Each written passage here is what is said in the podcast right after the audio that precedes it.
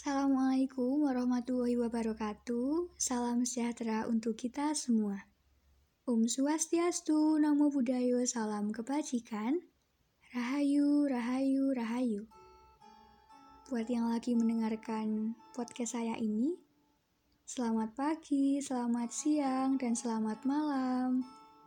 Izinkan saya, Syahidah Koral, untuk memberikan sedikit informasi mengenai guru sebagai aspek utama dalam sebuah negara.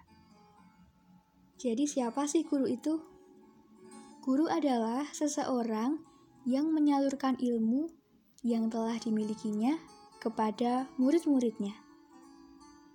Guru, menurut versi saya sendiri, dapat dibagi menjadi dua.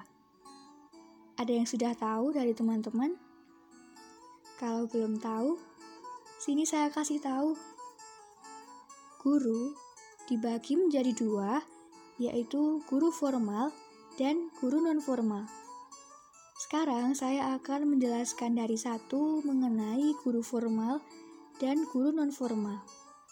Guru formal sendiri itu adalah seseorang yang memberikan ilmunya terikat dengan dinas kependidikan dan biasanya Pengajaran tersebut bergantung pada buku atau kurikulum sebagai bahan ajarnya.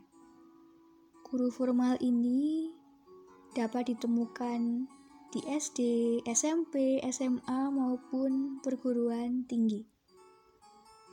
Yang kedua, ada guru non formal.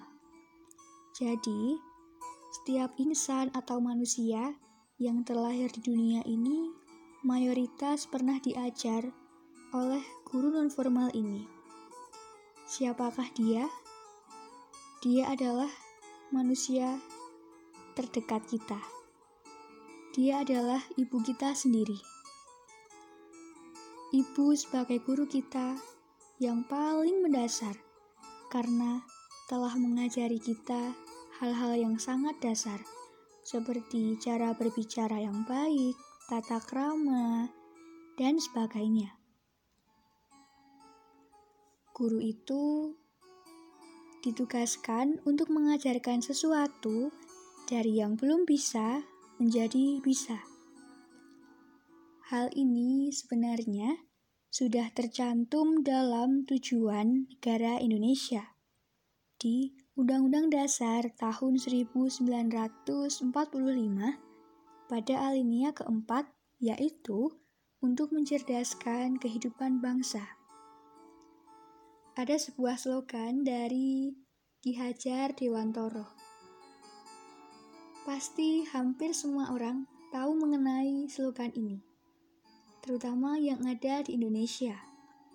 Slogannya beliau adalah Ingarso Sung Tulodo, Ing Madio Mangun Karso, Tutwuri Handayani. Apa artinya?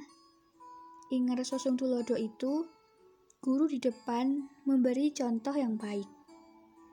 Ing Madio Mangun Karso, guru di tengah membangun semangat. Dan Tuturi Handayani, guru di belakang itu memberikan dorongan. Jadi marilah kita sebagai generasi muda menjadi guru yang baik minimal untuk diri kita sendiri dan orang-orang terdekat kita. Sekian dari saya, kurang lebihnya mohon maaf. Wassalamualaikum warahmatullahi wabarakatuh. Selamat Hari Guru.